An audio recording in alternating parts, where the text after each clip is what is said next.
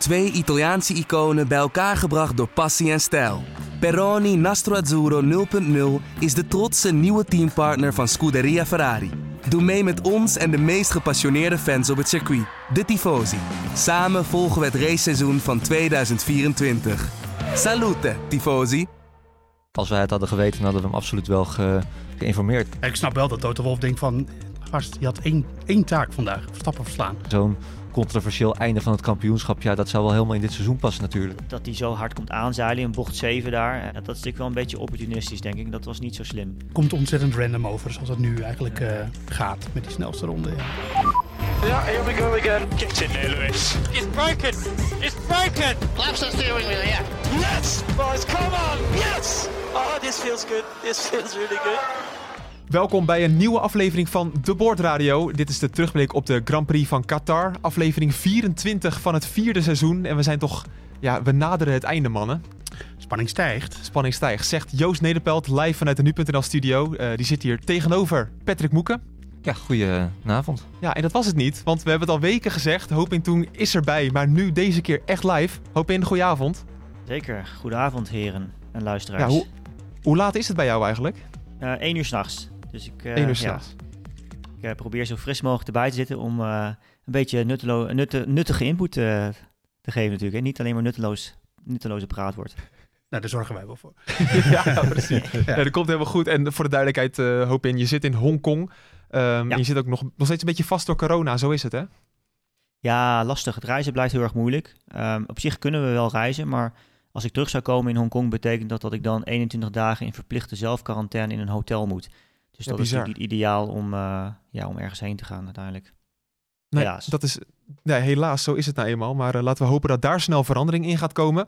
Eh, waar geen verandering in komt, is dat we eh, niet- de Qatar niet snel links meer gaan laten liggen. Zijn we daar eigenlijk blij mee, mannen? Ik- Joost, kijk jou even aan. Nou, volgend jaar staat hij niet op de kalender. Dat nog niet. En eh, volgens mij kregen we die vraag net ook al in een reactie op onze tweet die we net aan de deur uit hebben gegooid.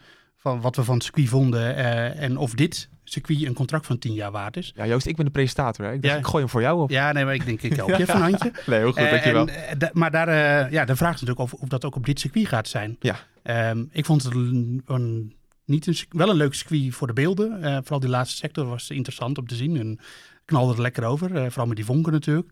Eh, maar om nou te zeggen, het is echt een, een aanwinst voor de kalender. Nou, ik vind, daar vind ik het toch een veel te random circuit voor. Ja, volgens mij is dit typisch zo'n circuit eh, die voor de rijders heel leuk is om te rijden. Hè? Snelle bochten, houdt niet op. Je hoorde ook iedereen zeggen van nou, eh, eh, ja, gaaf om, om te rijden. Verstappen, Hamilton, iedereen was wel enthousiast. Maar qua racen, moi, moi. Sowieso natuurlijk, die woestijnraces blijft toch altijd een beetje behelpen. Weinig mensen op de tribune. Ja. Ik heb vanmiddag naar de rijdersparade zitten kijken. Nou, dat sloeg echt helemaal nergens op. Dat was, ze namen niet eens meer de moeite om te zwaaien, omdat ja, dat wel al op de, op de helft van het circuit stonden geen eens tribunes. Ja, precies. Dus, Uh, eh, zwaaien naar een paar kam- kam- kamelen en palmbomen, dat heeft ook niet zoveel zin. Nee. nee. Het is ook mooi, die, die drone shots beelden of met de helikopter. Er is gewoon helemaal niks in de omgeving. nee, dat is helemaal niks. Nee, het, is echt, het is echt eh, in het midden aangelegd. Uh, Hopin, nu ben dat- jij van ons eh, viertje natuurlijk de coureur. Kriebelt het als je dit zo ziet? Ja, als, als coureur is dit een fantastisch gaaf circuit om te rijden waarschijnlijk. Die, die snelle bochten, die combinatie, eh, constant eh, ja, links naar rechts, die low transfer, zoals we het eigenlijk noemen in de auto. Eh, het is echt, ja, ik, ik vergelijk autoracen vaak met dansen. En dit is natuurlijk, ja, zo, zo ziet het er ook wel een beetje haast uit op de televisie. hè. En ik denk dat het wel een stuk beter was dan we vooraf hadden verwacht. Hè? Want vooraf zei iedereen, ja, je kunt hier niet inhalen. En goed, daar was ik er persoonlijk ook één van, die dat, Ja. die dat zei. Eh, maar dat viel uiteindelijk allemaal wel reuze mee. En dat kwam denk ik mede door nou, de layout van het circuit, dat, dat langrechte stuk. De langzame laatste bocht vooral. Eh, Ja. maar ook die, die eerste bocht, hè, waardoor eigenlijk meerdere lijnen mogelijk waren. En eh, die eh, ja, toch wel voor mooie spectaculaire inhaalacties zorgden.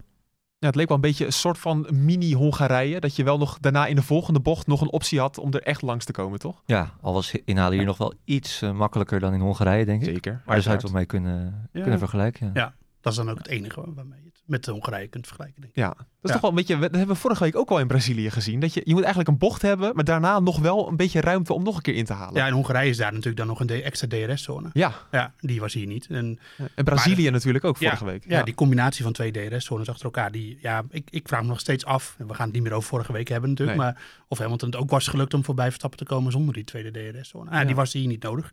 Inhalen kon even goed. Maar ja, we hebben natuurlijk niet een, echt een duel gezien tussen Verstappen en Hamilton met twee gelijkwaardige auto's, met twee gelijkwaardige banden. Dan had ik het nog wel willen zien. eh. Ja. Dus eh, ja, want als we alvast even vooruit mogen beduren Nou, op, die, op, die, op die gridstraf. Dat komt inderdaad eh, precies. Ja. Pra- pra- prachtig bruggetje naar de kwalificatie. Ehm, enkel geel, dubbel geel. Uh, Hopin, dan kijk ik jou even aan. Hoe belangrijk eh, is dat verschil eigenlijk als coureur? Ah, als je het puur naar de regels kijkt, ehm, een gele vlag betekent per definitie afremmen. In ieder geval van je gas afgaan en eh, er is gevaar op de baan.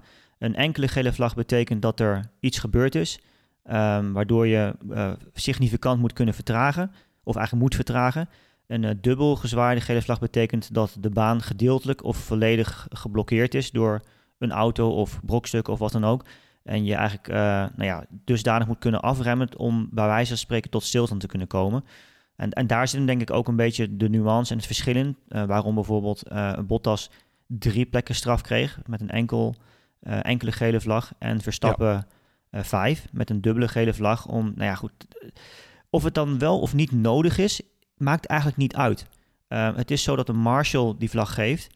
Ehm, die marshal die staat naast de baan, die bepaalt, die, die, die ziet bij wijze van spreken ook collega's of wat dan ook. Die heeft vaak een goed overzicht. Die besluit om zijn gele vlag te geven, enkel of dubbel.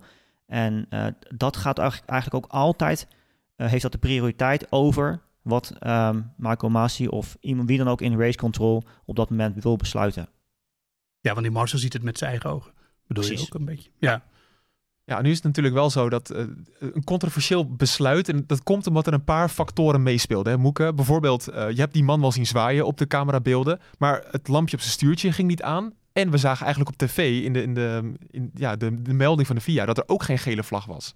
Nee, klopt. En dat was ook het argument van Red Bull. Hè? Ja, we- Ja. Als wij het hadden geweten, hadden we hem absoluut wel ge- geïnformeerd. Er brandde ook nog een groen licht, eh zij Verstappen zelf aan de, aan de andere kant. Ja, daar, als ik die, die gelijk even mag tackelen, dat was het. Ja. Die lampen die staan in de pizza, die zijn voor de wegenbrug. Ja, precies. Dus die hebben niets met wat er op de baan gebeurt te maken. Dus het is misleidend misschien, maar zo moet je dat wel zien. Ja, maar daardoor ja, reageerde Verstappen dus, eh, eh, dus niet. En hij had het dus ook niet gezien. Ja, het is, eh, ik vind het vooral toch wel een beetje kwalijk van Red Bull. Dat ze, dat, Ja. ze hadden zo lang de tijd om, om hun coureur te informeren. Eh, hij, hij ging geen pole pakken. Die tweede plaats was al een feit. Ja, toch eh, een Ja. beetje stom. Ja, want er was al een paar keer geel. Eh, op de computer ook. En dat, dat moet eh, eh, GP, de, de, de engineer van Verstappen, ook gezien hebben. En eh, andere coureurs kregen het wel te horen. Niet allemaal. Bottas kreeg volgens mij ook niets te horen. Maar Nee. Norris werd wat verteld. Ehm, eh, Alonso werd wat verteld. En Sainz ook. En, en Verstappen kwam als laatste. Dus die, die Red Bull had relatief de meeste tijd om wat, eh, wat te zeggen tegen, tegen Verstappen. En, eh, en, en ja, de- ik denk dat de chaos een beetje werd versterkt. Omdat Gasly natuurlijk bleef doorrijden heel langzaam. En waardoor je hebt, je hebt allemaal van die kleine sectoren op het circuit. En de gele vlag ging zeg maar met hem mee. En, en daardoor kreeg je op soms het signaal groen. Hè, dat werd ook naar, eh, op de computer gezegd. Dus dat zag ook Red Bull. Maar dan kwam er in de volgende sector kwam er weer geel. En dat maakte het allemaal wel misleidend. Maar Ja. toch hadden ze wel iets tegen Verstappen moeten zeggen van... hé, hey, er is wel iets aan de hand in de laatste sector. Ik snap dat ze liever niet tegen hem praten als hij in zijn supersnelle ronde zit. Dat begrijp ik ook alweer. Maar Ja. nu kost het hem een, een gridstraf. Dus ja. En hoop in, het is zo dat ehm, de gele vlaggen langs de baan van de marshals, dat is gewoon leidend. Hè? Dus het hele excuus van Verstappen met ik zag niet, eh, ik zag geen signaal dat er een gele vlag was, dat is eigenlijk niet zo heel relevant. Nee, nee, in principe is het zo dat eh, een gele vlag die wordt gezwaaid door een marshal altijd prioriteit heeft. Dus eh, wat- wat je zei, die, die, eh, de VIA marshalling display op het stuur van de rijders bijvoorbeeld, ook die lichtpanelen langs de baan, eh, die zijn eigenlijk altijd ondergeschikt aan wat een marshal doet. Eh, dus ja. als er een gele vlag hangt vanuit een marshal post, dan moet je daar gewoon aan gehoorzamen. Er zijn zelfs ook situaties, dit, in dit geval was het dus wat Joost zei, dat groene licht was van de weegbrug. Maar er zijn situaties geweest waar bijvoorbeeld een lichtpaneel een groen geeft, bij wijze van spreken, en de marshal geel zwaait. Dan heeft die gele vlag van de marshal prioriteit. Ja, precies. Eh hoop in, ben je het er dan ook mee eens met de straf? Dus eigenlijk geen enkele discussie? Nee, ja, wat dat betreft is... Kijk, als, ook ik wil niet naar, naar Brazilië terug, want daar denk ik dat je komt discussiëren over ehm, bepaalde acties van bepaalde rijders. In dit geval is het redelijk zwart-wit. Het, eh, het, het regelboek is wat dat betreft heel duidelijk. Een gele vlag moet je gewoon afremmen. En ja, in dit geval was dat gewoon het geval. En eh, er is ook genoeg ehm, precedent. Hè? Er zijn genoeg gevallen geweest in het verleden waar een soortgelijke situatie was. En die zijn bestraft met eh, drie of vijf plaatsen grid penalty plus twee eh, licentiepunten. Um, Ja. en Dat is nu ook gewoon weer zo gebeurd. Dus dit- wat dat betreft zijn ze wel heel consistent. En dat, ik denk dat het belangrijk is ook, want uiteindelijk is het zo... ehm, marshals zijn er voor de veiligheid van de coureurs. Ook dat de, de race eigenlijk goed kan verlopen zoals die verloopt. En als ik dan een beetje vooruit loop nu, eh, vind ik het daarom ook terecht dat de FIA eigenlijk eh, Christian Horn nu op het matje heeft geroepen. Van, eh, dat hij zich moet komen verantwoorden vanwege zijn uitlatingen eh, wat betreft de marshals die eh, volgens hem geen eh, goede job zouden hebben gedaan. Maar Ja. uiteindelijk staan ze daar om die race gewoon te kunnen laten gebeuren en in, in veilige banen te leiden. Precies, ja. Die Thijs heeft een waarschuwing gekregen trouwens, zag ik net. Dus, Oké. Oké. ja, Ja. Afge, afgedaan. Ja, zij is- maar Red Bull nam het die, die Marshall heel erg nou ja, kwalijk, zeg maar, dat hij op soort van op eigen houtje was besloten, had besloten met twee vlaggen te gaan zwaaien. Want ja, dat maakte de situatie natuurlijk anders wat betreft regelgeving. eh, terwijl de situatie daar ter plekke eigenlijk niet anders was. Ja. Ja. En, en Horner die betichtte de VIA ervan dat ze geen controle hadden over hun marshals. Ja, er was natuurlijk wel iets mis met die communicatie, dat was Ja. wel duidelijk. Ik Trouwens, denk, dat hij, ik denk dat hij met twee vlaggen is gaan zwaaien op het moment dat Gasly stopte. Ik heb het Ja. niet per se Ja. goed kunnen zien in de herhaling, maar enkele gele vlaggen is natuurlijk inderdaad wat je zei, Joost, dat hij, op een gegeven moment blijft hij nog langzaam voortrollen. Op Ja. het moment dat zijn auto tot stilstand komt op het circuit, eh, wordt, het dan, wordt het automatisch twee gele vlaggen. Ja. Het is wel een soort terugkerend thema ook, hè, als er wat gebeurt met, eh, met de marshals. Van ja, moet de Formule 1 niet gewoon vaste marshals in dienst nemen die, eh, die meereizen ook en die Hm. altijd langs het circuit gaan, eh, gaan staan? Want ja, Ja, het- ja, vaak zijn het toch vrijwilligers.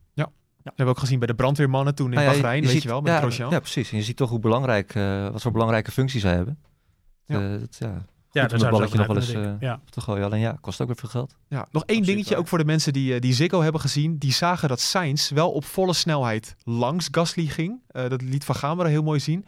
Eh, maar op het moment dat daarna dat die situatie voorbij was, ging hij van zijn gas af. Daardoor gaf hij zijn sector eigenlijk op. En daardoor kreeg hij geen straf. Ja, ik, eh, van Gameren werd daar boos over. En ik ben helemaal in zijn kamp. Wat Ja. vinden jullie daarvan? Qua het eh, gevaarlijke wat er op de baan gebeurde, maakte dat inderdaad wat, wat Sainz deed helemaal niets uit. Echt nog, ik, ik heb die beelden van Sainz gisteren een paar, zitten een paar keer zitten bekijken, maar het viel mij niet eens op dat hij van zijn gas was gegaan. Nee. Omdat ik maar keek tot de situatie en dat hij daarna heel even gelift had, had ik niet eens gezien. Dus eh, ja, ik, ik, ik denk dat eh Sainz echt wel een beetje geluk heeft gehad. Met, eh, maar Sainz werd wel gewaarschuwd. Ja. En ze zeiden tegen Sainz, blijf links. En Sainz die verbeterde zich dan uiteindelijk niet in de derde sector. Dus er was een klein verschil, maar toch. Ja, Sainz had denk ik ook gewoon die straf moeten krijgen. Ah, fijn, ja, we gaan het eh, over de race hebben, want we moeten eh, gezegd hebben, als je een Verstappenbril op hebt, dan was dit natuurlijk drama nieuws deze ochtend. Ja. Eh, aan de andere kant, het was voor ons heel erg leuk, want nu kreeg je echt een spectaculaire start. Er was veel om naar te kijken. En Moeke, volgens mij had Verstappen de start die jij graag wilde hebben. Ja, en het ging nog maar net goed natuurlijk. Hij kwam geweldig van zijn van zijn plek. Ja. Maakte al een hele hoop plaatsen goed. Zat heel sterk aan, die, eh, aan, die eerste, aan de binnenkant van die eerste knik. Maar moest toch even liften toen eh, Alonso voorbij kwam eh, zetten. En dan zie je ook meteen weer wat het risico toch is als je in het middenveld moet starten. Hè? En wat Hamilton toch ja, niet, niet geluk heeft gehad, maar wel eh, enigs, toch wel enigszins mazzel heeft gehad dat toen alles goed is gegaan in Brazilië. Ja. Voor je het weet zit je in het gedrang, rij je een vleugel kapot en wordt het gewoon een hele lastige race. Ja, het, goed dat Verstappen daar eieren voor zijn geld koos. Ja, Hopin, Verstappen had een hele goede start op de mediums. Ook be- be- ja, betere start dan de mannen voor hem. Is dat te verklaren eigenlijk? Nou ja, verklaren. Zo'n moment van zo'n launch dat je echt wegkomt van je plek. Eh, ja, dat heeft met heel veel factoren te maken. Natuurlijk de grip op de baan. Eh, we zagen dat eh, zeker in het begin van de race bepaalde plekken op de baan, buitenlijn bijvoorbeeld, heel vies was. Dus wat dat betreft, dat hij op de ideale lijn startte, ehm, was wat dat, betreft denk ik wel goed. En hij, had dit, hij deed het vooral heel erg goed in de eerste bocht natuurlijk. Hè? En wat me eigenlijk wel opviel, is dat in dit geval Verstappen eigenlijk heel, nou ja, toch wel een beetje voorzichtig oogde, conservatief oogde. Terwijl hij normaal natuurlijk eh, behoorlijk agressief eh, is. En dat pakte juist heel goed uit voor. Want eh, die, die binnenlijn, als je natuurlijk kijkt, zo'n binnenlijn ehm, leg je een dusdanig kortere afstand af dat je ook veel minder snelheid hoeft mee te nemen. En je, zag het aan, ik geloof dat het Sainz was aan de buitenkant, die veel meer snelheid meenam. Ehm, maar, maar je moet echt ja, letterlijk tientallen kilometers per uur sneller de bocht doorgaan om zo'n buitenlijn te kunnen rijden. En dat, en dat hou je zeker in zo'n begin van de race met zoveel brandstof aan boord, hou je dat gewoon niet vol. En, en ja, dat pakte dus voor Verstappen heel goed uit. Ja, Joost, ik dacht wel bij dat momentje met Alonso. Dat ging allemaal maar net goed, hè? Dat ging me net goed. Volgens mij ging je echt met twee wielen moest je eventjes eh, door het gras of door het zand of wat daar dan ook ligt heen. Ja. ja dat, dat is echt, nou ja, wat Patrick net zegt, dat is zo'n momentje dat als je in het middenveld start eh, dan, en, en andere coureurs zien je niet, want ik, ik denk dat Alonso gewoon niet had verwacht dat hij daar zou zitten. Ehm, ja, dan, dan kan het zomaar fout gaan. Maar dat, ging net goed. En eh, Alonso, die, ik weet niet of je dat nog gezien hebt, maar die ging daarna ging hij meteen ook nog eh, Gasly voorbij. Ja. Echt op een hele vrije manier. Dus Alonso is natuurlijk gewoon een, een eh, knokker in die eerste ronde. En dat levert hem uiteindelijk natuurlijk ook een podiumplaats op, eh, als je het allemaal doorrekent. Ja.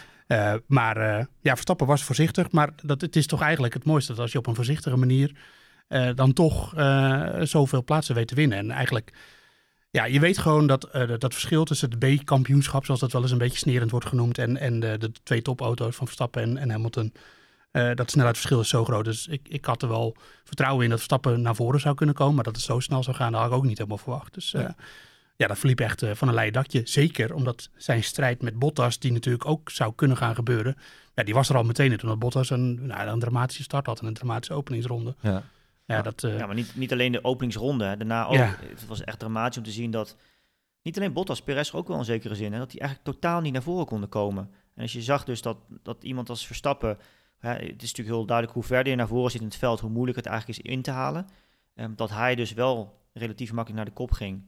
En ja, dat, dat zij niet naar voren weten te komen is wel eh, is pijnlijk. Pijnlijk om te zien, vond ik dat. Ja, ja. En het redde ook wel Verstappen een beetje. Want, want je moet maar een scenario voor je zien dat Bottas er wel voor was gebleven. Ja, ja. Was het een hele lange race geworden. Zijn strijd, deze race, ik bedoel, normaal gesproken was natuurlijk gewoon eh, het tweede worden. Want eh, dat hij Hamilton nog bij zou gaan halen, dat, nou, dat zat er eigenlijk niet in. Zelfs als hij die gridstraf niet had gehad, dan was dat vrij onwaarschijnlijk Hadden we geweest. hij- hetzelfde ja, Ja, alleen met de start misschien. Alleen ja. ja. dan had hij wat kunnen doen, maar dan ben je stra- strategisch, omdat je gewoon minder pace hebt, ben je daarna zo zwak. Dat, ja. Een vuile kant, dus die kans Ja. is toch wel klein. Dus ja, het, zijn strijd was met Bottas eigenlijk. Eh, Vooraf kon je dat zo inschatten. En, eh, en ja, dat, eh, als je dan Bottas inderdaad ziet en dat Toto Wolf nog over de boordradio, ja, dat, eh, het is gewoon geen competitie van die twee. En ze liepen daarna ook zo snel weg, eh, Ja. Hamilton en, en Verstappen. Dat, eh, ja, die persen dan op de een of andere dingen uit die auto. Die, die andere twee die kunnen dat gewoon niet. En dat, eh, dat blijft toch wel Ik vind dat toch ook wel weer slecht eh, managementbeleid van, van Mercedes. Dat Bottas die weet al dat hij een slechte start heeft gehad. Dat hoef je hem niet te vertellen. Nee. En dan komt vervolgens ook nog Toto Wolf over de, over de radio nog even. Ja, kom op Valtteri, je moet wel eventjes mensen gaan inhalen. Want dit kan, e- kan natuurlijk echt niet. Ja, waar ben ik in godsnaam mee bezig, Ja, eh, ik- Toto? Ja, maar denk je dat, ik aan het doen ben. ja, maar. Dat is toch, dat, dat is toch, ja. Dat, ik snap wel dat Toto Wolf denkt van... Gast, je had één, één taak vandaag. Verstappen verslaan. ja. Niet de makkelijkste taak, maar je kan iets beter je, eh, je best doen dan, dan Of dit. in ieder geval zo lang mogelijk achter je houden. Ja, en Ja. Dat, eh, dat, dat liep, liep natuurlijk gewoon weer eh, helemaal fout bij Bottas. En eh, dat hebben we toch wel heel vaak gezien. Eh, en eh, ik snap nu ook wel waarom Mercedes, nou dat snapte ik daarvoor ook al, maar het is weer een extra bevestiging waarom Mercedes van hem af wil en, en Russell in die auto zet. Hoop nu wil ik een uitgebreide analyse van jou horen over ehm, het overstuur van Gasly in de laatste bocht. Dat was natuurlijk, eh, ja, hij had zijn auto totaal niet onder controle, hè, natuurlijk, toen Verstappen achter hem zat. Ja, ja dat, dat is duidelijk te zien. Hij, Ja, hij, ja, ja. Hij, hij eindigde, had inderdaad overstuur en dan eindigde hij op de curbstone aan de buitenkant. Maar eigenlijk toen de auto recht was, ging hij in één keer weer naar links toe. Dus dat was Zo. wel frappant. Ja, ik ben, nee, ik ben was een beetje sarcastisch, hè? Ja, nee, het was duidelijk een geval natuurlijk van eh, eh, Verstappen voorbij laten. En ik denk zeker in dat stadium van de race belangrijk. Uiteindelijk moet ik zeggen, vond ik dat de auto's elkaar makkelijker konden volgen, ook dan verwacht. En ik denk dat dat mede Ja. te maken had met het feit dat het toch eigenlijk, nou ja, het misschien relatief makkelijker vol gas was eh, op bepaalde plekken van het circuit dan, dan men vooraf had, had, had verwacht. Ehm, maar goed, in dit geval, eh, Gasly, ja, hij liet hem duidelijk voorbij. En wat ik wel mooi vond ook, is dat eh Gasly natuurlijk de DRS had van Alonso voor hem op dat moment. Maar die niet gebruikte. Pas toen Verstappen voorbij kwam, voorbij was, deed hij Ja. nog even snel open voor het einde van het rechte stuk. eh, om te laten zien van ik had hem wel, maar ik heb hem niet gebruikt. Ja, Ja, ik geloof dat Helmoet Marco eh, Gasly eh, een jaar lang gratis Red Bull had beloofd voor de start. Zo? Als hij gauw aan de kant, eh, nou zoiets moet het geweest. Nou ja, Ja. Ja, Helmoet Marco praat vooraf met Gasly. Gasly gaat makkelijk aan de kant. Dat was natuurlijk een ABC. Wat, ja, wat zouden ze daar dan bespreken? Hè? Ook voor ook van al die camera's zie je Marco daar in gesprek met eh Gasly. Gasly toch ook wel een beetje gespannen. Eerste keer ooit op de eerste startrij. ja, tuurlijk. Voor hem is dit ook heel bijzonder. Naast, naast Hamilton in de, de, de meest heftige titelstrijd, in ieder geval die hij ooit heeft, eh, heeft meegemaakt sinds hij Formule 1 coureur is. Ja, Ja. Ga maar aan staan. Ja, en dat is eigenlijk het ergste. Dan start je dus eh, in een Alfa Tauri ook nog eh, vanaf de tweede plek. Oké, Je bent never gekregen, nooit snel genoeg. gekregen tweede plek, maar dan nog een tweede plek. Zo mooi, maar dan uiteindelijk binnen het hele Red Bull, de Red Bull familie draait het niet om jou. Nee. Niemand heeft het over jou. Maar tegelijkertijd verwachten ze wel, hey, als het even kan op je zachte banden, gaan we even die eerste bocht. Hè? Ja, Dat, ja. eh, Zet hem er even naast. ja, ja. Hij zat eigenlijk in een onmogelijke positie, eh, Ja. Arme jongen. Ja, die arme jongen inderdaad. Eh, er moet ook gezegd worden van überhaupt die Alfa Tauri eh, was heel snel het hele weekend. Maar er was tijdens de race helemaal niks meer van te zien. Nee, elfde werd hij. Ja, Ja, wat, wat is daar Het gebeurd? snode ook buiten dat de punten, ja. Ongelooflijk. Geen pace, denk ik dan toch wel. hele, hele weekend zetten ze de toon. En dan toch eh, blijkt die race pace eh, ook tactisch misschien wel het ongelukkig. Ik, ze maakte Ja. een keer een pitstop dat hij toch weer eh, eh, verder terug eh, kwam. Zat hij, zat hij met twee stop eigenlijk? Hij had een tweestopper als een van de weinigen in, ja, zijn, ga je al. in zijn veld, zeg maar. Dus dat, eh, nou ja, gem- gemiste kans voor AlphaTauri. Want Ja. die waren net als eerder in Bahrein dit jaar gewoon heel goed bij zo'n eh, bij zo'n avondrace. nog, wisselende de- omstandigheden. En de race pace van, eh van Alfa Tauri is nooit slecht geweest dit seizoen. nee, dat, die zeiden vooraf ook van, nou, we, vonden- we hebben volgens mij best wel een goede race pace. Ja. Niets van gezien. Nou, Opin, heb Ja. jij nog een verklaring voor eigenlijk? Nee, niet per se een verklaring. Ik- We gaven natuurlijk wel een beetje aan ook aan de voorbeschouwing dat ehm, zo'n zo'n avondrace kan, is behoorlijk gecompliceerd hè, voor een team. Eh, die verschillende temperaturen, eh, die temperatuurdaling kan er maar zo voor zorgen dat een auto zich heel anders gedraagt dan je eigenlijk vooraf verwacht. En dat je banden net niet goed eh, in het optimale bedrijfstemperatuur weet te krijgen in het zogenaamde window. Ja. Ehm, ja, dus dat- ja, als dat het geval is, dan is het, wordt het een hele lange race in één keer. En dat, ja, als je kijkt naar Gasly, hij was ook, volgens mij, had, had een van de kortste stinten ook. Aan het begin van de race natuurlijk, op die, ehm op die Ja, ging in de dertiende ronde ging hij eh, naar binnen. Hij was, eh, ja, was Ja. niet de eerste. Tsunoda was de eerste op met negen Oké, ronden. ja. Ja. Nou goed, ook een, ook een Alfa Tauri in dit ja, geval. daarom. Maar ja, Ja. nee, met beide, met beide inderdaad, eh, ja, niet, ehm, zeker niet zoals verwacht, eh, denk ik. Nee, dat is zeker waar. Dan eh, gaan we toch even kijken naar het gevecht vooraan Hamilton en Verstappen. Eh, ik dacht, ehm, je hebt vaak wel, als een gat op een gegeven moment maak je dat wel goed. En dan komt Verstappen wel weer bij Hamilton. Dat heeft er echt geen seconde in gezeten. Nee, je zag wel dat Verstappen het in het begin nog probeerde. Eh, Hij kon aanhaken. Maar op een gegeven moment kreeg Hamilton ook te horen van ja, je mag, eh, je mag wat meer gaan pushen. En dan rijdt hij meteen een halve tiende of een halve seconde per ronde rijdt hij weg. Ook later in de race kreeg je een beetje hetzelfde spel. Op een gegeven moment zei Verstappen ook over de boordradio van nou jongens, we kunnen ook wat lol gaan beleven. We worden toch sowieso tweede. Eh, mag ik gaan pushen? Nou, dat mocht hij dan tot op zekere hoogte. Let nog wel een klein beetje op. En toen kwam hij ook wel eventjes dichterbij. Maar op een gegeven moment Hamilton controleerde. En die, die hield het gat de hele tijd rond de 7, 8 seconden. Die was echt volledig in, eh, in control vandaag. Ja, Joost, het was eigenlijk eh, best wel opvallend om de, de hoge snelheid van, van Hamilton te zien vandaag. Hè? Ja, ook in alle sectoren. Ja. Ik bedoel, eh, je ziet vaak wel dat Verstappen dan in één sector de snelste is. Vaak een bochtige sector of zo. Maar Ja. nee, het was gewoon een dominant optreden van, van Hamilton. En eh, ja, dat paceverschil was... eh, Verstappen noemde het gat zaterdag ook, weet je. Het is bijna een halve seconde. Dat is toch best wel... Dat is echt te groot, zei Verstappen. En eh, ja, dat, dat baart natuurlijk wel zorgen voor de komende races. Ja. Kijk, nu kan hij de schade eigenlijk natuurlijk heel erg beperken. Het zat er toch sowieso niet in. Dat zei hij zelf ook la- later. En eigenlijk vooraf zei hij dat ook al. Maar ja, je, je hebt een kleine voorsprong, maar je hebt ook een, een, een eh, tegenstander met een hele sterke auto. En die ook heel erg in vorm is. Laten we daar ook eh, eerlijk Ja. over zijn. Ja, en, en ja, dat, dan spelen al die geruchten er wel omheen van wat is er nou aan de hand met die Mercedes? Waarom is die sinds Brazilië ineens zoveel sneller? Ja. Eh, maar er zijn ook wel redenen. Ik bedoel, Hoop in die. Ik eh, had verwacht dat Red Bull sterker voor de dag zou komen. Hoop in had al voorspeld van nou, Mercedes gaat hier heel erg goed zijn door de bandenslijtage. Je ziet maar wie de echte kenner is. ja, ik zat, zat te wachten tot je deze opmerking zou maken. Dank je. Maar eh, was die- jouw voorspelling eigenlijk helemaal zo uitgekomen zoals je, als je dacht, Hoop in? Of is het, was het toch ook een andere reden waarom Mercedes sterker was? Nee, ik denk dat het ook wel een andere reden had. Ik, eh, ik denk dat het meer aerodynamisch ook met efficiëntie te maken had van de Mercedes. En ik denk daarbij ook het feit dat ehm, eh, het, het belangrijkste was denk ik voor deze race dat je de bepaalde eh, punten op de baan, ehm, die bijna wel of niet vol gas zijn, als je dat relatief makkelijk vol gas kunt doen, ehm, dan kun je daar een beetje je hoeveelheid neerwaartse druk op afstellen. En ja, als je dan gewoon kijkt, dan rij je sowieso niet met het, het maximale wat je uit de auto kunt halen.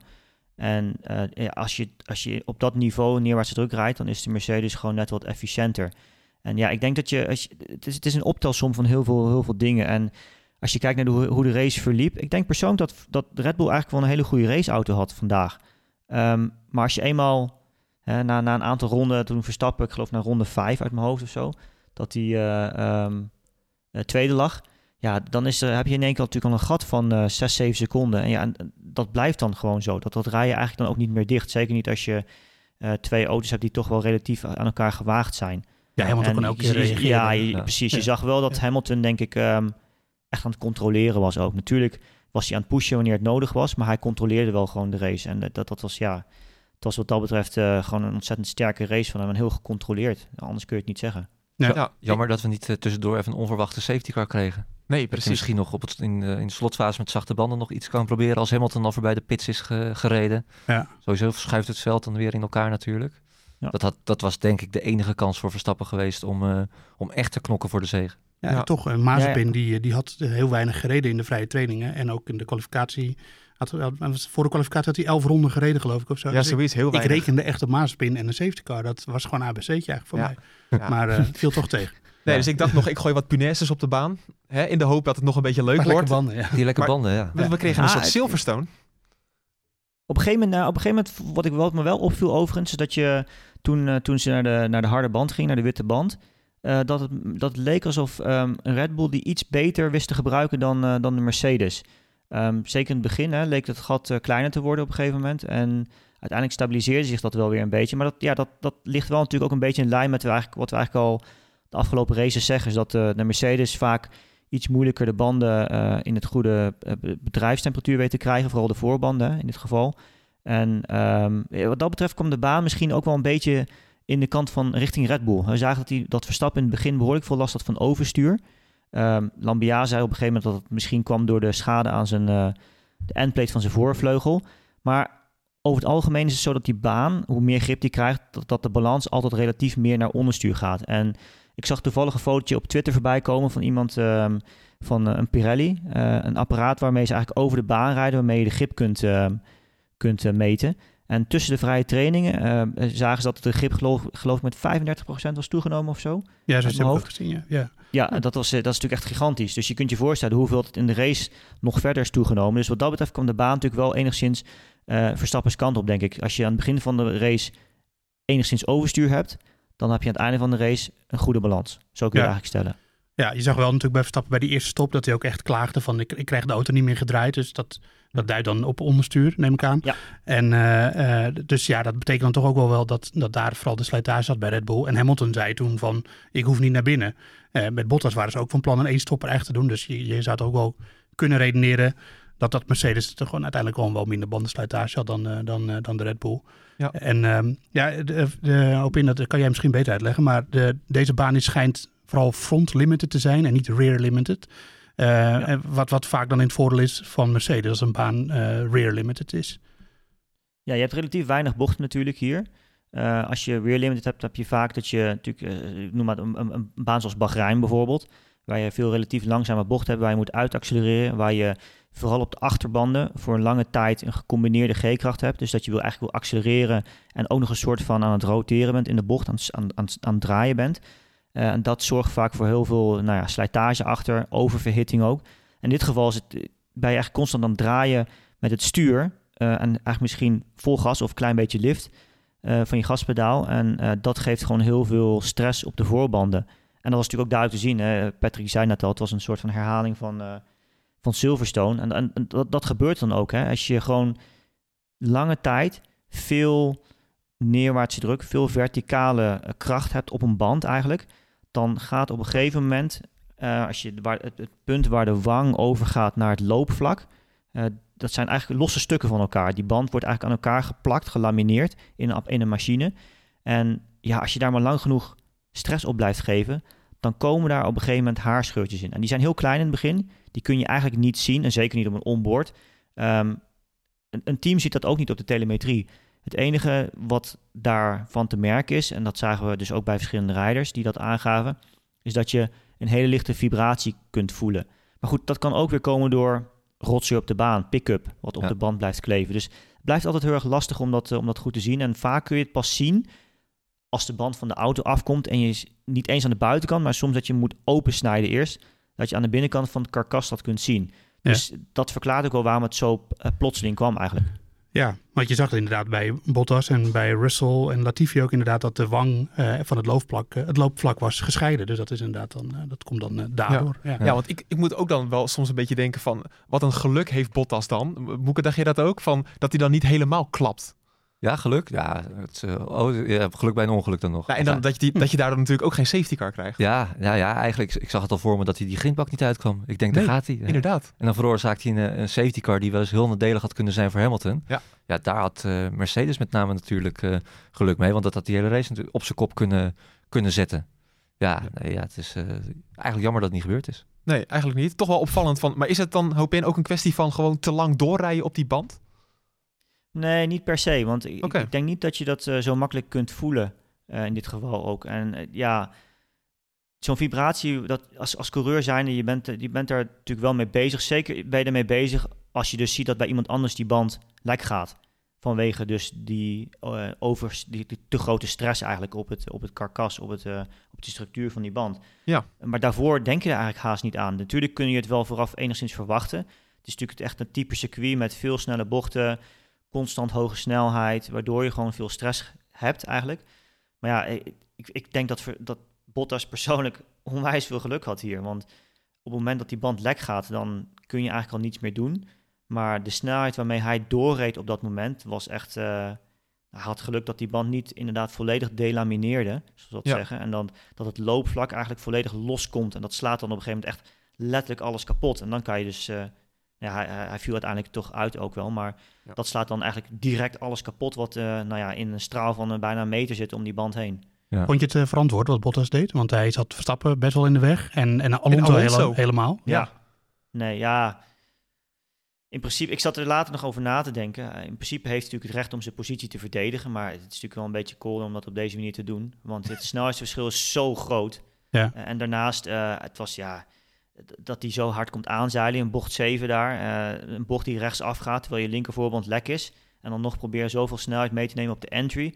Ja, dat is natuurlijk wel een beetje opportunistisch, denk ik. Dat was niet zo slim. Maar mag, daarna ook eh, de, pit, de pitstraat in ook. En eh, ja, zo'n hoge snelheid daar. Dat, ja, hij heeft gewoon heel veel geluk gehad, denk ik, dat, er niet, dat hij al niet meteen uitgevallen is daardoor. Ja. Ja. ik denk dat het wel op het randje is van wat, wat er mag. Want je mag natuurlijk niet al, als je al weet dat je auto de, eh, echt, echt zo dusdanig traag is, Ja. nog eens volle bak gaan verdedigen om, eh, om je positie te, Nee.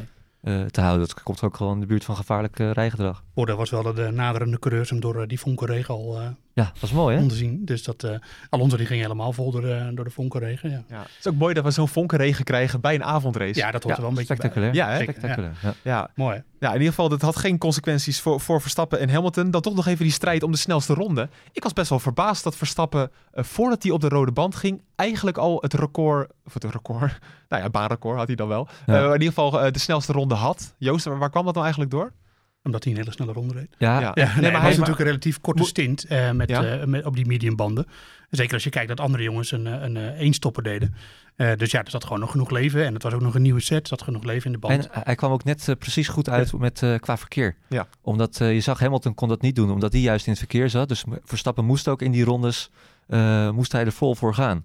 En eh, daardoor zag je eigenlijk ook dat Hamilton er niet eh, aan te pas kwam. eh. Maar hij had sowieso natuurlijk nog de mogelijkheid om die pitstop te Maar hij had in principe hadden ze, als je het alleen naar de snelste ronde kijkt, hadden ze, hadden ze Mercedes schaakmat.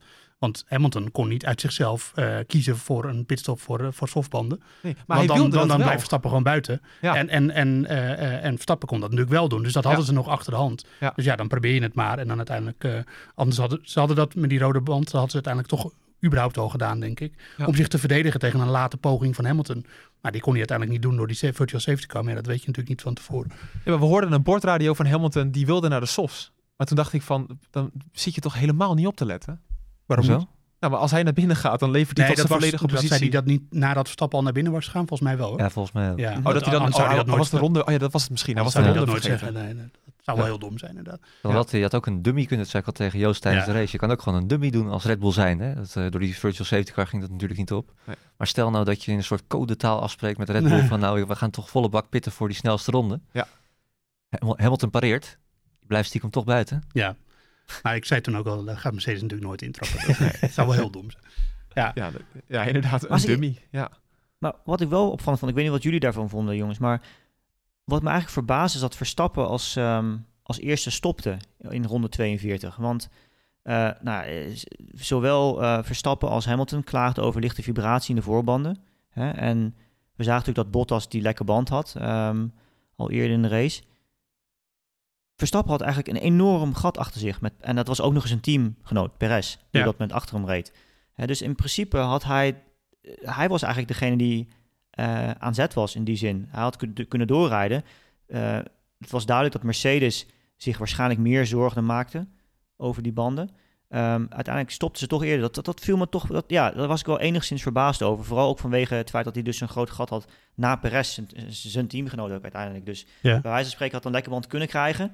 eh, en, en, en nog kunnen terugrijden en de, de, de positie nog kunnen behouden. Maar had daarmee wel Hamilton kunnen dwingen in eventueel een fout.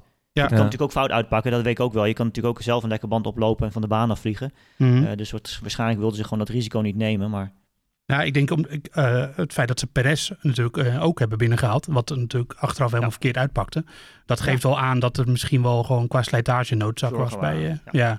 Eh, we- diezelfde, dat, over, als dat onderstuur weer op gaat treden, dat ze dachten van, nou ja, dan halen we maar gewoon binnen. Ja. Eh, maar ja, inderdaad, het, het- dat hebben we natuurlijk ook een keer gezien met eh, in Silverstone, eigenlijk de situatie waar, waar Patrick net over had. Toen had Red Bull ook een pitstop gemaakt. Als ze dat niet hadden gedaan en Hamilton kreeg uiteindelijk een lekker band mee als, als dat... eh, maar ze hadden ja. daar, dus er was op zich wel een reden om, om, om erop te gokken dat dat Ja, zou gaan maar- gebeuren. En ik dacht misschien triggeren ze zo ook toch Mercedes om even iets anders te doen dan ze, dan ze vooraf van plan waren. Want eh, ja, Hamilton was natuurlijk nooit van plan om al na 18 rondes binnen te eh, komen. Maar hij moest wel mee, omdat hij kijkt alleen maar naar Verstappen. Ja. Ja. Nou, toch even over Perez, hè? Want ehm, ja, misschien kon hij in. Hij had er waarschijnlijk niet, hij was er niet op berekend, laat ik het zo zeggen, om eh, voor die eenstopper te gaan. Maar als je kijkt naar de rest achter hem, had dat gewoon gemoeten. Hij had een, een podiumplaats, had hij al in handen. Ja, dat vond, eh vond Perez zelf ook volgens mij. Ja, Ja, hij vroeg zich natuurlijk ook af waarom hij in godsnaam binnengehaald was. En toen zeiden ze nog tegen hem van, eh, ja, je, je wordt nog derde. Maar ja, goed, die, die eh, virtual safety car was natuurlijk niet te voorzien. Maar dan nog was het heel krap was het heel krap geworden, ja. Dus eh, ja, Alonso mag in zijn handjes knijpen met, met die virtual safety car, maar ook gewoon met... eh, en, en Alonso heeft het natuurlijk heel goed gedaan, want hij moest buiten... Nou ja, goed, hij had natuurlijk geluk met dat Bottas uitviel, want anders was die waarschijnlijk wel voor hem gekomen. Ja. En hij had geluk met die, nou ja, misschien wel misser van Red Bull, met de strategie van Perez. Maar voor de rest moest hij iedereen verslaan. En dat heeft hij gedaan. Dus dat, dat, eh, dat is hem ook wel weer, aan, heeft hij ook aan zichzelf te danken dat Ja. dat is gebeurd. Ja, Hopin, jij bent natuurlijk eh, test- en reservecoureur bij, eh, bij Renault geweest. Nou, volgens mij als je daar overal naar binnen loopt, dan staan de, de grote plaatjes met Alonso daar op de muren, denk ik. Eh, Zeker. Hoe, hoe vond jij deze derde plaats? Ja, mooi. Eh, ook vooral heel slim gereden. Je zag ook duidelijk gewoon Alonso, we hebben het in het verleden ook wel eens gezegd, je, je zag Alonso gewoon heel intelligent. Eh, begin van de race bijvoorbeeld, Verstappen, waarom zou ik verdedigen? Laat hem, hij, hij liet hem gewoon voorbij, eh, niet moeilijk doen.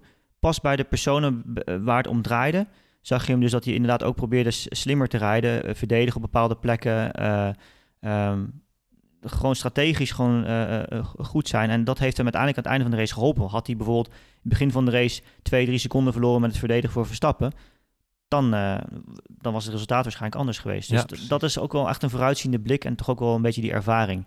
En eh, ja, zeker als je kijkt, eh, het is leuk. Eh, Alpine, natuurlijk destijds uit de genootheid. Veel mensen die zitten nog steeds daar die ik ken. Eh Alan Permain bijvoorbeeld, onder andere. Hm. Ehm, Carol Loos, Belg, race Ja. engineer van eh, Fernando Alonso. Ja, leuk. Stuur je ze dan nog een appje of is dat eh, te lang geleden bijna? Nee, nee, Alan, eh, daar heb ik nog wel regelmatig contact mee. Wat leuk. Ja, dat is uiteindelijk ook degene geweest die, eh, dankzij hem ben ik eh, min of meer ook bij het team terechtgekomen. Dus dat is, eh, daar, daar is altijd een goede band mee eh, geweest en ook gebleven. Ja, Geweldig, ja. Team Enstone. Ja, het is wel eh, Ja. grappig dat Alonso natuurlijk riep van, eh, over Ocon. Vertel tegen Ocon dat hij zich moet verdedigen als een leeuw. Ja. Maar dat deed Ocon eh, niet. Die, eh, nou, nee, dat toch? vond ik wel. Nee. Nee, het was heel Ja, gemakkelijk. ja. jawel man. Was hij zich goed aan het verdedigen, vond jij? Ja, wat kan je doen? Joh, Ja, nee, dat is ook zo, maar- Waren, eh, ja, ik weet niet, ik zit even denken aan een aantal rondes, maar eh, significant ouder. Ja, die waren een stuk ouder. ja. 13, nee, 17 ronden ouder dan eh, die van Perez. Ja. Dus ja, Nou ja, we dachten, natuurlijk, we dachten natuurlijk aan een soort van terugbetalen van wat Alonso in Hongarije heeft gedaan voor Ocon. Maar Ja. dat, dat kan op dit circuit was dat gewoon niet realistisch, denk Nee. ik. eh. Nee, ik de overspeed die was aan, duidelijk aanwezig. Maar Ja. die actie ging tot bocht 5, 6 ging die door. Ja. Ja, maar toch. Ja. Ja, je hebt er uiteindelijk niks aan. Je Maar toch een beetje voor de beeldvorming. Van Ja. ik heb het toch, eh, Fernando, ik heb het laten zien. Precies, ja. Voor mij heb het niet geleden. Ja. Nee. Wel een mooie bekroning voor Alonso trouwens. Hè? Toch, er kwam Ja. behoorlijk wat kritiek dat hij terugkwam. Hij was te oud, kon het allemaal nog wel. Ja. Maar eigenlijk heeft hij dit jaar gewoon Ocon in de tas. Ondanks die zegen van Ocon in, eh, in Hongarije. Eh, structureel sneller. En hij heeft, ik denk als je Alonso gewoon nog steeds een topauto geeft... dat hij, dat hij ook nog steeds voor de wereldtitel Oh, mee daar kan ben ik doen. 100% van overtuigd. Ja, dat denk ik ook. Maar Moeke, jij zei wel aan het begin van het seizoen dat, Dat heb ik niet gezegd. Oké. Wat heb je Ja, wat zei ik? gezegd? Wat? Mm, dat Alonso elke race beter zou zijn dan Ocon. Oh, ja, maar dat is hij toch ook bijna? Dat is ook bijna wel zo. Ja? Ja, wel. Maar dat zie je niet terug in de stand in het kampioenschap. Nee, maar dat komt ook vooral, vooral door die zegen in Hongarije. ja, Ja. dat is ook weer zo. Nee, dat eh, ben ik met eens. Oké. Ja. Ja. maar we moeten denk ik toch ook nog wel weer even terug als ik, eh, naar de Mercedes natuurlijk. Want er is natuurlijk wel ook buiten de baan een hele hoop gebeurd. Daar moeten we het ook nog even over hebben. Ja, absoluut. Ja. Ja, we hebben altijd het technische hoekje van, eh, van Joost. Hadden we er ooit een bumper voor eigenlijk? Eh, Ja, ja, die, ja, die bumper, ja. Alle de- bumpertjes zijn gesneuveld. Mijn weerbericht is ook gesneuveld. Dat was Ja, ook dat geweldig. hoor daar hoor ik nooit meer De iemand over. bumper, eh, de bumper ligt eraf aan beide kanten. Ja. Vooraf, eh, voor en achter. Ja. Mooi. Ja. nou, doen we een klein pingeltje erin. Komt ie? Box, box, box, box. We maken een officieel technisch hoekje van Joost weer van. Ik denk dat de vaste luisteraar denkt, nou geweldig, dat hebben al jaren niet meer meegemaakt. Maar Joost, wat is er nou aan de hand met de achterkant van de Mercedes vleugel? Ja. Want we hebben heel veel foto's gezien dat er frictie zit, er moet een gat tussen zitten. Ja. Kan jij het uitleggen? Nou, eh, laten we eerst zeggen dat Mercedes zegt dat er niets aan de hand is. Ja. Dus het, is, eh, het heeft twee kanten van een verhaal. natuurlijk. Of een verhaal heeft twee kanten, dat is altijd zo. En wie moet je geloven? Eh, laten, we daar, eh, laten we daar eens mee beginnen. Maar eh, ja, Red Bull zegt dus dat, eh, je, eh, we even, als we de achtervleugel nemen, je hebt die bovenste flap die open gaat als DRS eh, eh, open gaat. Dat Ja. is waar de Petronas op staat bij Mercedes. We weten sinds kort dat die 85 mm is, die opening. ja, klopt. Sinds vorig weekend. weet- Nou, dat wist ik daarvoor al, maar Ik wist dat niet. Nee. Joost weet het wel Ik weet natuurlijk. alles. Alles weet ik. Eh, en daaronder heb je dus de, de, het hoofdelement eigenlijk van de achtervleugel. Ehm, eh, dat is het zwarte gedeelte wat daaronder zit. En dat samen, de, de flap van de, van DRS en de, dat onderste element, dat zorgt eigenlijk, dat is de hoofdvleugel eh, die achter op de auto zit. Die zorgt voor de downforce. Ehm, er zit ook een minimale eh, opening, mag er zitten tussen de DRS-flap en de, de main plane, zoals dat heet, van de achtervleugel als de DRS gesloten is. Ja. Maar voor, En- dus voor de mensen die gaan kijken, hé, hey, maar ik zie echt een gleufje. Daar moet je dus eigenlijk nog niet naar kijken. Jawel. Eh, Oh. oh, ja, want begrepen, wel. Maar er zit, nee, maar er zit toch een klein gat, zeg je? Ja, er zit een klein. eh, Maar het gaat om hoe groot mag dat gleufje zijn. Oké, nee, dat snap ik. En eh, Red Bull zegt dus dat, er, dat die, dat onderste gedeelte, dus het zwarte gedeelte zeg maar in de achtervleugel, de main plane van de, de achtervleugel, de main flap, hoe wil je het noemen, geef het, geef het een naam, eh, dat die achterover buigt op hogere snelheid. En dat daardoor dat gat tussen die flap van de DRS en dat, die hoofdflap eronder, dat dat groter wordt. Dat daar rijwind doorheen kan. Dat daarom de luchtweerstand van de achtervleugel lager wordt. En dat je dus op het rechte stuk eh, meer topsnelheid hebt. Ja. En zodra de coureur dus weer afremt, dan wordt de kracht op die vleugel wordt weer minder. Dit is allemaal wat Red Bull zegt. Hè? Dus ik praat hier niet in feiten, maar in wat Red Bull zegt. Dan komt dat doorgebogen gedeelte komt weer omhoog. Dan levert het weer zijn normale downforce in combinatie met die flap die erboven zit. En dan kan je dus weer van die downforce profiteren om snel door de bocht te gaan. Ja, en Red Bull zegt eigenlijk, dat is En- iets en dat het ze- belangrijke om erbij tussen te vertellen is Ja? dat het niet mag. Dat het achterover buig- buigt. Dat is wel relevante informatie hierin. En dat is dus waar Red Bull Mercedes van verwijt. En, en om dat heel even af te maken. Ja? Ze zeggen dat ze dat kunnen zien aan sporen op de wing end plates. Dat zijn die twee opstaande gedeeltes waar tussen die vleugel zit. En ze kunnen dus, zegt, en er is een foto van. Die foto hebben we allemaal wel voorbij zien komen. Ja, maar ik. we weten niet wie de fotograaf is. Ik heb volgens een, mij. Ik heb een vermoeden, maar dat hou ik voor mezelf. Maar in ieder geval, eh, eh, dat die vleugel achterover buigt en dat je dat kan zien aan dat er sporen van zijn op die wing end plates. Dat konden ze zien in Brazilië. Ja, en die sporen, dat is gewoon een stuk, stukje wit-achtig spul, waardoor je ziet dat er Nou ja, enige fractie Precies, is. dat er frictie is tussen twee carbondelen. Nou, ja, dat zou kunnen. Nou, eh, en en, en eh, eh, Christian Horner vroeg Toto Wolff daar rechtstreeks naar in de persconferentie. Die legendarische was persconferentie. geweldig. Staat op helemaal integraal op YouTube. Ga die terugkijken. Ja, was fantastisch. Ja. En Van dit zei- weekend, hè? Ja, ja. Ja. van dit weekend. En die zei van, hoe verklaar je die sporen dan? Tegen, Horner, tegen, tegen, zei Horner tegen Toto Wolff. En die zei van, nee, volgens, mij, volgens ons is dat binnen de marges. Maar dat, dat is ook een beetje gek, want eh, Mercedes zei daarna van, nee, die sporen, volgens mij, eh Red Bull ziet, die maakt er een spookverhaal van. Weet je? Ja, dus ze zien spoken. ze zien spoken, ja. Eh, nou ja, en dan om het rondje helemaal rond te maken. Dus er, zei, er zouden nieuwe tests zijn deze, dit weekend al. Met extra druk op dat element om te kijken of hij doorbuigt bij die, bij die test. Eh, nu nog een informele test die niet helemaal geldt. Maar vanaf de volgende race in Saudi-Arabië zou die test dan gewoon opgenomen zijn in de totale keuringsmogelijkheden van de FIA. Voor de duidelijkheid, stel hij buigt door, dan heeft dat geen consequenties voor de uitslag. Ook niet voor de afgelopen races. Maar vanaf Saoedi-Arabië telt het wel. Dat is het verhaal, ja. Ja. Maar daar zou dan deze week een technical directive voor komen waarin dat staat. Ja. Neem ondertussen een slokje water naar dit lange verhaal. Ja, dan ga ik even naar hoop in. Eh, klo- klopt dit een beetje? Want eh, kijk, we hebben Joost Hoog zitten hè, als onze technische man. Maar ehm, ja, er is natuurlijk wel een beetje een strijd tussen... Oh nee, dat mag ik niet zeggen van Joost, hè? Nee, het gaat helemaal echt. Laat je niet uit de tent lokken, hoop in. Nee, ik wil inderdaad een klein beetje stoken. De, maar de innerlijke Goed, Wilfred komt af en toe in hem naar boven, maar dan negeer dat gewoon alsjeblieft. Nee, Hoop in heeft hij een beetje gelijk. Ja, toch? Ehm, nou, ja, dat, slijt, dat witte eh, slijtage dat we zagen eigenlijk hè, op die foto, dat kan ook gewoon zijn. Je verstelt zo'n achtervleugel door de zijkanten van te- tussen het element eigenlijk om dat eh, te verstellen, waarmee je de hoek dus kunt eh, veranderen eigenlijk. Ehm, je kunt dus ook stellen, en ik neem aan dat Mercedes dat beargumenteert Ja. als het op daar ze uitkomen, is dat ze zeggen van ja, dat was gewoon een andere achtervleugelafstelling. En dat ja, die sporen, dat is gewoon frictie, want ja, dat is, dat is logisch als je hem, als je hem vastzet. En dat, dat, dat vibreert en dat trilt een beetje. En daardoor krijg je die, die, die, die sporen erop. Ik denk persoonlijk dat, ehm, het niet zo nuttig was om deze discussie te voeren hier in Qatar.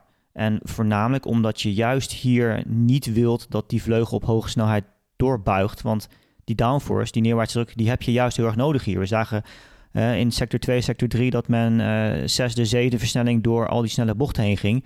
En je kunt je voorstellen als daar die vleugel achterover zou buigen, dan verlies je enorm veel neerwaartse druk. En, en dat wil je natuurlijk niet, want dan verandert A de balans van je auto. B uh, kun je dan in één keer die bocht niet meer vol gas nemen. Um, het wordt wat dat betreft pas zinvol om er echt naar te gaan kijken op een circuit als Saudi-Arabië, dus de volgende race. Eventueel ook in, in Abu Dhabi in, voor, de, voor de laatste race van het seizoen. En hier ja, was het gewoon, vond ik persoonlijk niet zo heel relevant om daar veel aandacht aan te besteden. Ik kan me wel voorstellen, ja, ik kan me wel voorstellen dat ze hier in de, de, de, de, de standaard willen zetten. Hè? Dus willen zeggen, we gaan er naar kijken. We gaan er iets aan doen.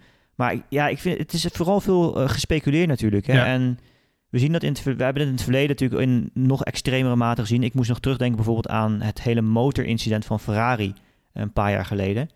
Uiteindelijk is iets pas illegaal als het niet mag volgens de reglementen en ook dusdanig wordt beoordeeld door de technische mensen van de FIA. En, en niet als wie dan ook dat uh, zelf beoordeelt of, of denkt dat het zo is. En we zagen bijvoorbeeld in het geval van Ferrari uh, met de motor destijds, het wordt misschien iets te technisch, maar um, uiteindelijk was die motor wel conform de reglementen van het technisch reglement. Maar wat ze eigenlijk deden daar was weer niet echt in, ja, hoe zeg dat, in, in de spirit van hoe de sport zou moeten zijn. En daardoor zijn ze uiteindelijk toch een soort van gestraft, maar ook weer niet. Ja. Als je begrijpt wat ik bedoel. Dus Nou ja, eh, Ze zijn toen vooral gestraft dat dat niet meer mocht. Of dat, tenminste, dat ze dat niet meer konden doen. precies. Ja, in dat opzicht. En, en dat is dat we daar, daarom zei ik dat ook een paar keer. Dit is allemaal wat Red Bull zegt. Mercedes zegt dat, het niet, dat ze dat helemaal niet doen.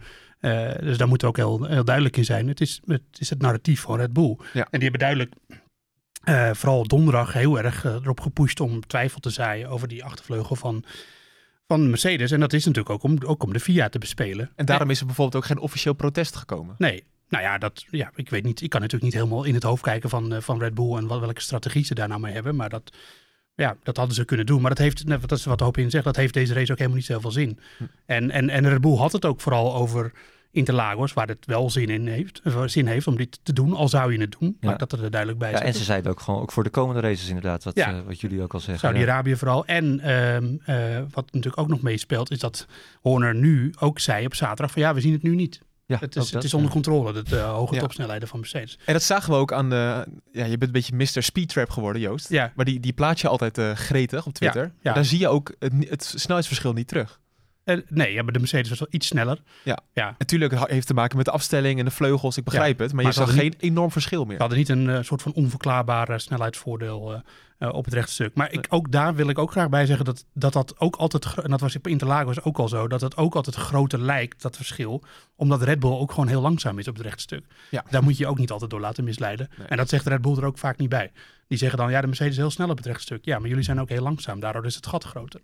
Nog één dingetje, Moeke. Ik, ik zag dat eh, de- er gaan geruchten, we hebben geen bevestiging gehad, dat ze met de oude motor rijden. Dus Ja. dat Hamilton niet met de Interlagos motor rijdt. Ja, we zeiden dat al voorafgaand aan de, aan de uitzending, dat het eh, leuk zou zijn als we daar nog een bevestiging van gaan krijgen. Maar ja, dat hoeven ze niet te, te, te vermelden natuurlijk. Nee. Maar je zou er best van uit kunnen gaan dat het klopt, ja. En dat, maakt mij, dat baart mij wel zorgen. Nou ja, dan, dat, dat zou wel inderdaad, dan komen ze nog beter voor de dag natuurlijk in eh Saudi-Arabië en Abu Dhabi, waar ze natuurlijk al, eh, waar we allemaal van verwachten dat ze daar al heel sterk zijn. Ja, de titelstrijd, acht punten. En dan komen we nog naar twee banen die eh, waarschijnlijk een, eh, een, ja, Mercedes-paradijs zou kunnen zijn in theorie. Uh, Jeddah sowieso, denken we. Opin, Ja. denk jij dat ook? Dat denk ik ook, Oh, zeker. nou, makkelijk. Maar ik denk, we hebben het in het, ik heb het volgens mij de vorige keer had ik het met Patrick erover, over de, ehm, de snelste ronde en het punt dat daarvoor wordt gegeven. En ik moest daar vandaag na de race eigenlijk meteen weer aan denken. Want ik, in, voorafgaan aan een race had ik eigenlijk zelf voorspeld van, nou, uh, Jeddah is in het voordeel van Mercedes en Hamilton. Eh, Verstappen en Hamilton komen straks in eh, Abu Dhabi aan met een gelijk puntenaantal. En dat, dat, wordt dat wordt dan een mooi event. Misschien is het zo dat Verstappen Hamilton in de eerste bocht afkegelt. Dat kan natuurlijk ook, hè? Ja, Dan is het ook bekeken. Maar dat, dat punt voor de snelste ronde in dit geval... Ik ben daar niet zo van gecharmeerd persoonlijk. Want in Oh ja. dit geval is het dus echt zo dat het dus de titelstrijd kan gaan bepalen, letterlijk.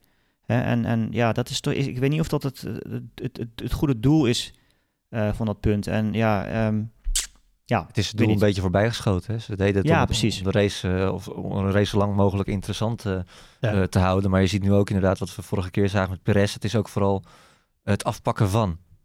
Ja. Maar zorgen dat, dat diegene coureur... Het komt ontzettend random over, zoals het nu eigenlijk Ja. eh, gaat met Ja. de snelste ronde. Ja. En Ja. zeker eh, dat je dan gewoon iemand, eh, die rijdt dan eh achter, of 14 of 15 zoals Perez, dan laat je die een pitstop maken en dan rijdt hij de snelste ronde en dan krijgt hij een punt. Ja, voor wat eigenlijk? Ja, niks. hij heeft niks bijgedragen aan de strijd in de race, weet je. Nee. Dus dat, nee, ik ben, ben het daarmee eens. Nee, ik moet wel zeggen, ik zit even snel te kijken. Als ik goed heb geteld, staat het 5-5. oh, dat De is DHL mooi. Fastest Lap Award. Eh, dus op dit, dat gebied maakt het nog geen invloed. Maar op zoiets als vandaag, dat het geen 7, maar 8 punten is. Dan weer wel natuurlijk. Ja, Ja. Kan, Ja. Kan, kan cruciaal zijn natuurlijk. Zeker. Waar we niet aan moeten voorbij gaan, denk ik, is dat Verstappen nu wel voor het eerst in zijn loopbaan op matchpoint staat. Ja, dat is het. Het, het voelt misschien niet zo, omdat Mercedes de laatste twee races zo dominant was, maar hij gaat in eh Saoedi-Arabië gewoon een eerste kans krijgen om de titel te pakken. Ja, en sterker nog, je, je zou dan kunnen denken dat als Verstappen wint, eh, dat Hamilton dan moet uitvallen en dan is hij kampioen. Maar dat hoeft helemaal niet. Hè? Nee, als hij zevende wordt, dan eh, als, als Verstappen Hamilton. wint en Hamilton zevende wordt, is het gedaan. Maar ook als Verstappen wint, de snelste ronde noteert en Hamilton als zesde of lager eindigt, is het ook gedaan. Ja. En je ziet het, eh, je kan zo je band lek rijden of er hoeft maar iets te gebeuren en het gaat mis. En dat voordeel heeft Verstappen natuurlijk nog altijd. Ja, en het is een stratencircuit. En het is een straatcircuit, het is allemaal nieuw. Ja. We verwachten dat Mercedes te snel gaan zijn, maar we weten dat nog steeds niet. Ik, eh, ja, het, het, het, het voelt niet zo, maar we moeten onszelf niet helemaal de, eh, althans onszelf, de, de Nederlandse fans, niet helemaal de put in gaan praten van jongens, het, is, het ziet er niet goed uit. Want stel je voor, hij beperkt daar de schade en wordt, eh, wordt weer tweede. Dan heeft hij nog steeds een voorsprong als hij eh, naar Abu Dhabi gaat. En dan kan hij een Sennaatje doen. En dan kan hij een Sennaatje doen. Of Ja, want kijk, weet je, nee, maar dat gaat hij niet doen. nou, Nou, Nou, maar weet je wat het wel een beetje is? Kijk, dit, dit is de meest lelijke kant van, eh, van de Formule 1. Maar historisch gezien zou het helemaal in het verhaal passen. Dat inderdaad, door die acht punten... en als Verstappen zo meteen tweede wordt op Jeddah... dan komt inderdaad het scenario echt naar voren dat hij hem eraf kan kegelen. En dan is hij wereldkampioen. ja, ik zie, eh, om heel eerlijk te zijn, ik zie dat gewoon gebeuren. Nou, dat heb ik dus... Ja, maar je hebt ook wel een beetje een eh, Ja, ik, ik, ik, ik zou het ook wel... ja. sensatiezoeker Ja, natuurlijk. ja ik, had, ik had vandaag ook al gekke dingen verwa- verwacht eh, tijdens de race. Ja, kwam er niet uit. Nee. Maar la- z- zouden jullie dat... Ja, want wij willen niet... eh, ik wil dit niet... Ik wil hier geen reclame voor maken. Maar zouden jullie dat ook wel leuk Maar- vinden? Nou, Ja. leuk. Het is, ik weet niet wat... Voor de geschiedenisboeken? Het, het, het zijn wel... Alleen dit seizoen heeft al zoveel momenten gehad die de geschiedenisboeken ingaan. Dat ze op elkaar staan in Monza letterlijk. Eh, Iconische foto. Ja, die, die eh, harde klapper in, eh, in Silverstone. Gewoon al die gevechten. Iedere race was het haast raak. Hamilton en eh, Verstappen eh, letterlijk raak. Ook in Imola dat ze elkaar weer raakten. Ja, dit seizoen gaat al de geschiedenisboeken in. En zo'n controversieel einde van het kampioenschap. Ja, dat zou wel helemaal in dit seizoen passen natuurlijk. Dat moet je ook even in het hoofd kijken van, van de- coureurs die dat gedaan hebben in het verleden. Ja. Senna met Prost, dat was in eh, 1991, zeg ik even in mijn hoofd. Of 90? 90. Met de Ferrari, 91. Sorry, Ja. mijn geheugen laat me even in de steek. En natuurlijk Schumacher in 1994 met Damon Hill. Ja. En in 1997 met eh, Jacques Villeneuve, Gerrit de La Frontera. Ja. Schumacher en Senna, wat voor coureurs zijn dat? Waren dat? Eh, Dat zijn Verstappen-coureurs. Althans, zijn- Verstappen is, nou ja. is, valt in die categorie. ja, gewoon echt eh meedogenloos. Ja. Eh, en alles te doen om te willen, willen, en, willen winnen. En, En misschien, Schumacher- ja. en misschien nog ineens naar, qua niveau hetzelfde, maar vooral qua hoe ze zijn. Hè? Ja. ja. Voor de duidelijkheid. Ja, maar is, is Verstappen ook zo? Is hij echt zo of denken we dat hij zo is? Ik Wat, denk, ik ja. ben wel benieuwd wat Opin van vindt. Hij is zo. ja, hè? dat denk ik het ook. Ja, Ja. dat denk ik wel. Maar, hij heeft echt, ja. ik, hij heeft, ik, eh, ja, hij heeft volgens mij zelfs wel eens publiekelijk ook gezegd van ik, ik, ik ruim nog liever van de baan af dan dat, eh, dan dat hij me inhaalt. Ja. En dat, ja, dat geeft gewoon, en dat, is zo, zo zijn natuurlijk heel veel in de Formule 1 en eh, dat kun je goed vinden, kun je fout vinden, maar wat dat betreft geeft het ook de Formule 1 kleur. En eh, daardoor zien we ook die prachtige strijd die we dit jaar zien. En je ziet ook wel mooi dat, ik vind het persoonlijk mooi dat Hamilton toch altijd wel soort van wat meer berekenend was. Maar dat hij ook een tandje aan het bijschakelen is om eh, nou ja, toch eh, een stuk agressiever is geworden dit jaar. Dan, dat hij eigenlijk, dan dat we eigenlijk hebben gezien van hem in de afgelopen jaren. Maar hij moet ook wel natuurlijk, want anders dan je, Ja. dan anders, als je Verstappen wil bestrijden, moet dat op zo'n manier. Anders laat je Dan je kan je, niet, ja, dan kan je niet altijd binnen de lijntjes blijven. Nee, ja, zo'n blijven kleuren. situaties als dit seizoen in, eh, in, eh, op Imola. Of het nou berekenend was of niet, wat hij daar deed. Maar daar bocht liet- 1 bij de start. ja, met de start. Daar liet hij zich toch aftroeven door Verstappen. Gewoon Ja. op agressiviteit. En dan kan hij altijd wel zeggen, van, ja, play the long game en dat soort dingen. Maar ik denk dat hij van dat soort momenten, dat hij daar toch ook een beetje van geschrokken is. Van, hé, laat ik me dit hier nou gebeuren. Barcelona ook. Ja. Spanje. Ja, maar dat kan je zeggen dat dat was nog iets meer berekenend. Omdat hij wist van, ik heb de race pace wel, laat hem maar gaan en pak hem wel. Ja. Zo kwam het ook uit. Zeker. Dat zei hij alleen achteraf, dat hij dat zo had bedacht.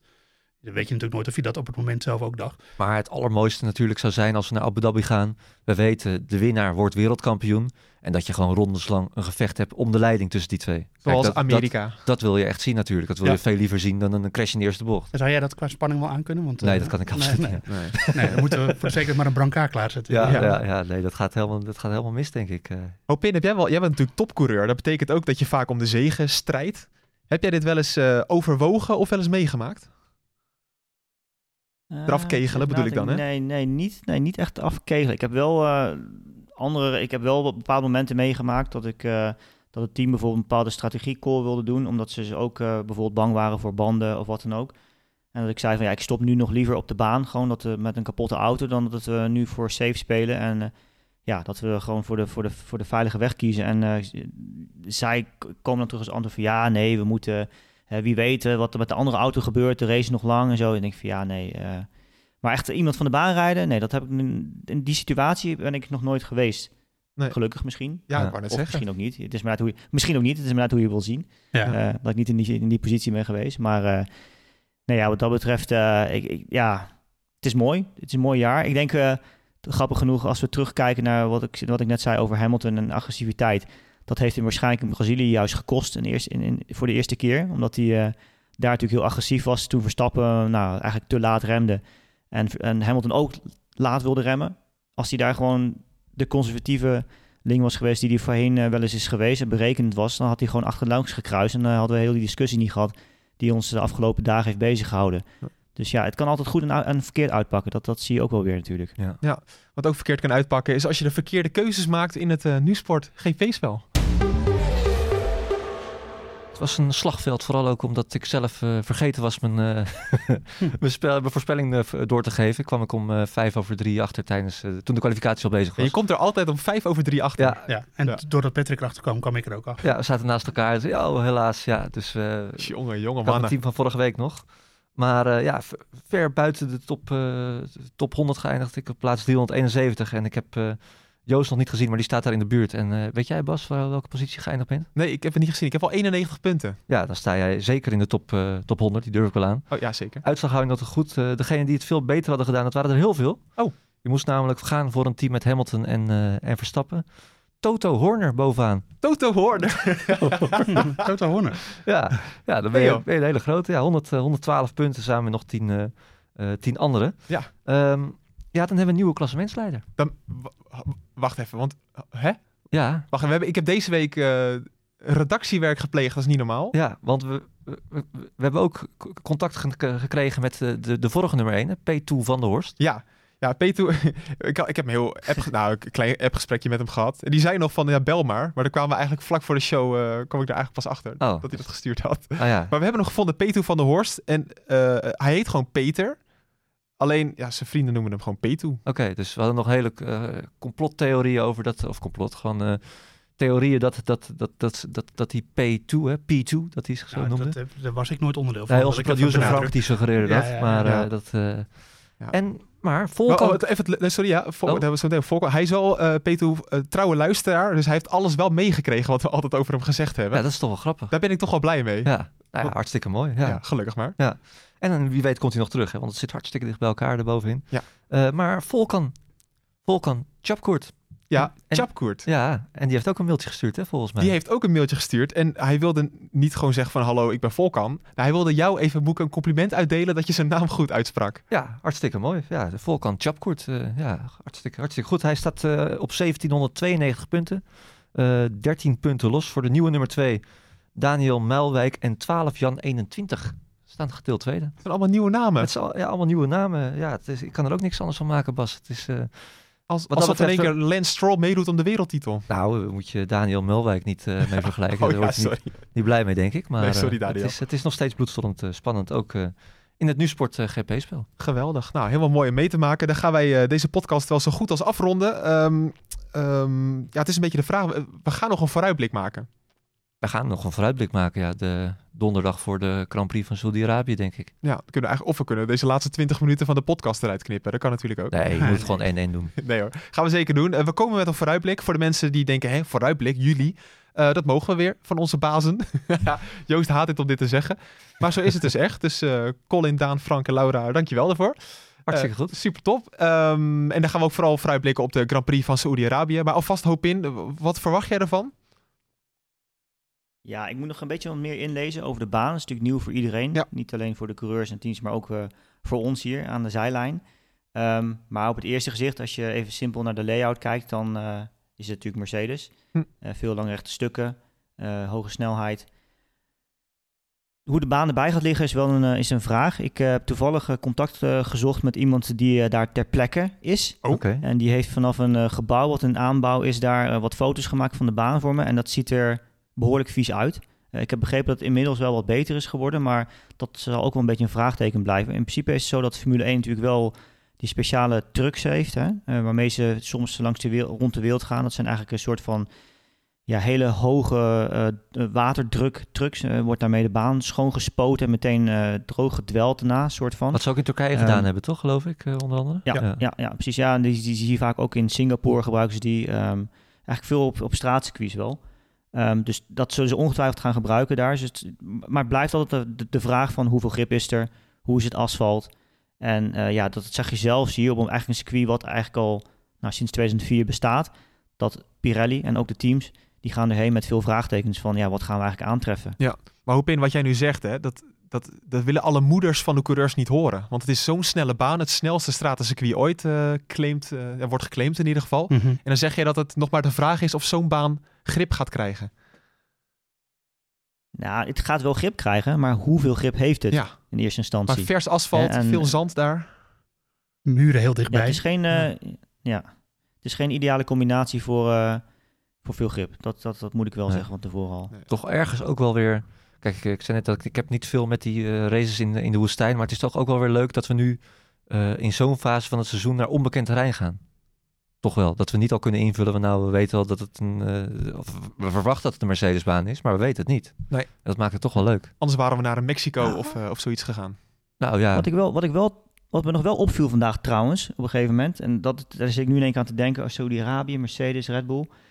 Vandaag viel me weer op dat eigenlijk ehm Valtteri Bottas op een gegeven moment, ik weet niet precies welke ronde dat was, reed hij eh, uit de slipstream van Norris. Hij zat best wel lang achter Lando Norris Ja, op een gegeven moment. Ronde 22, ik heb hier notitie gemaakt.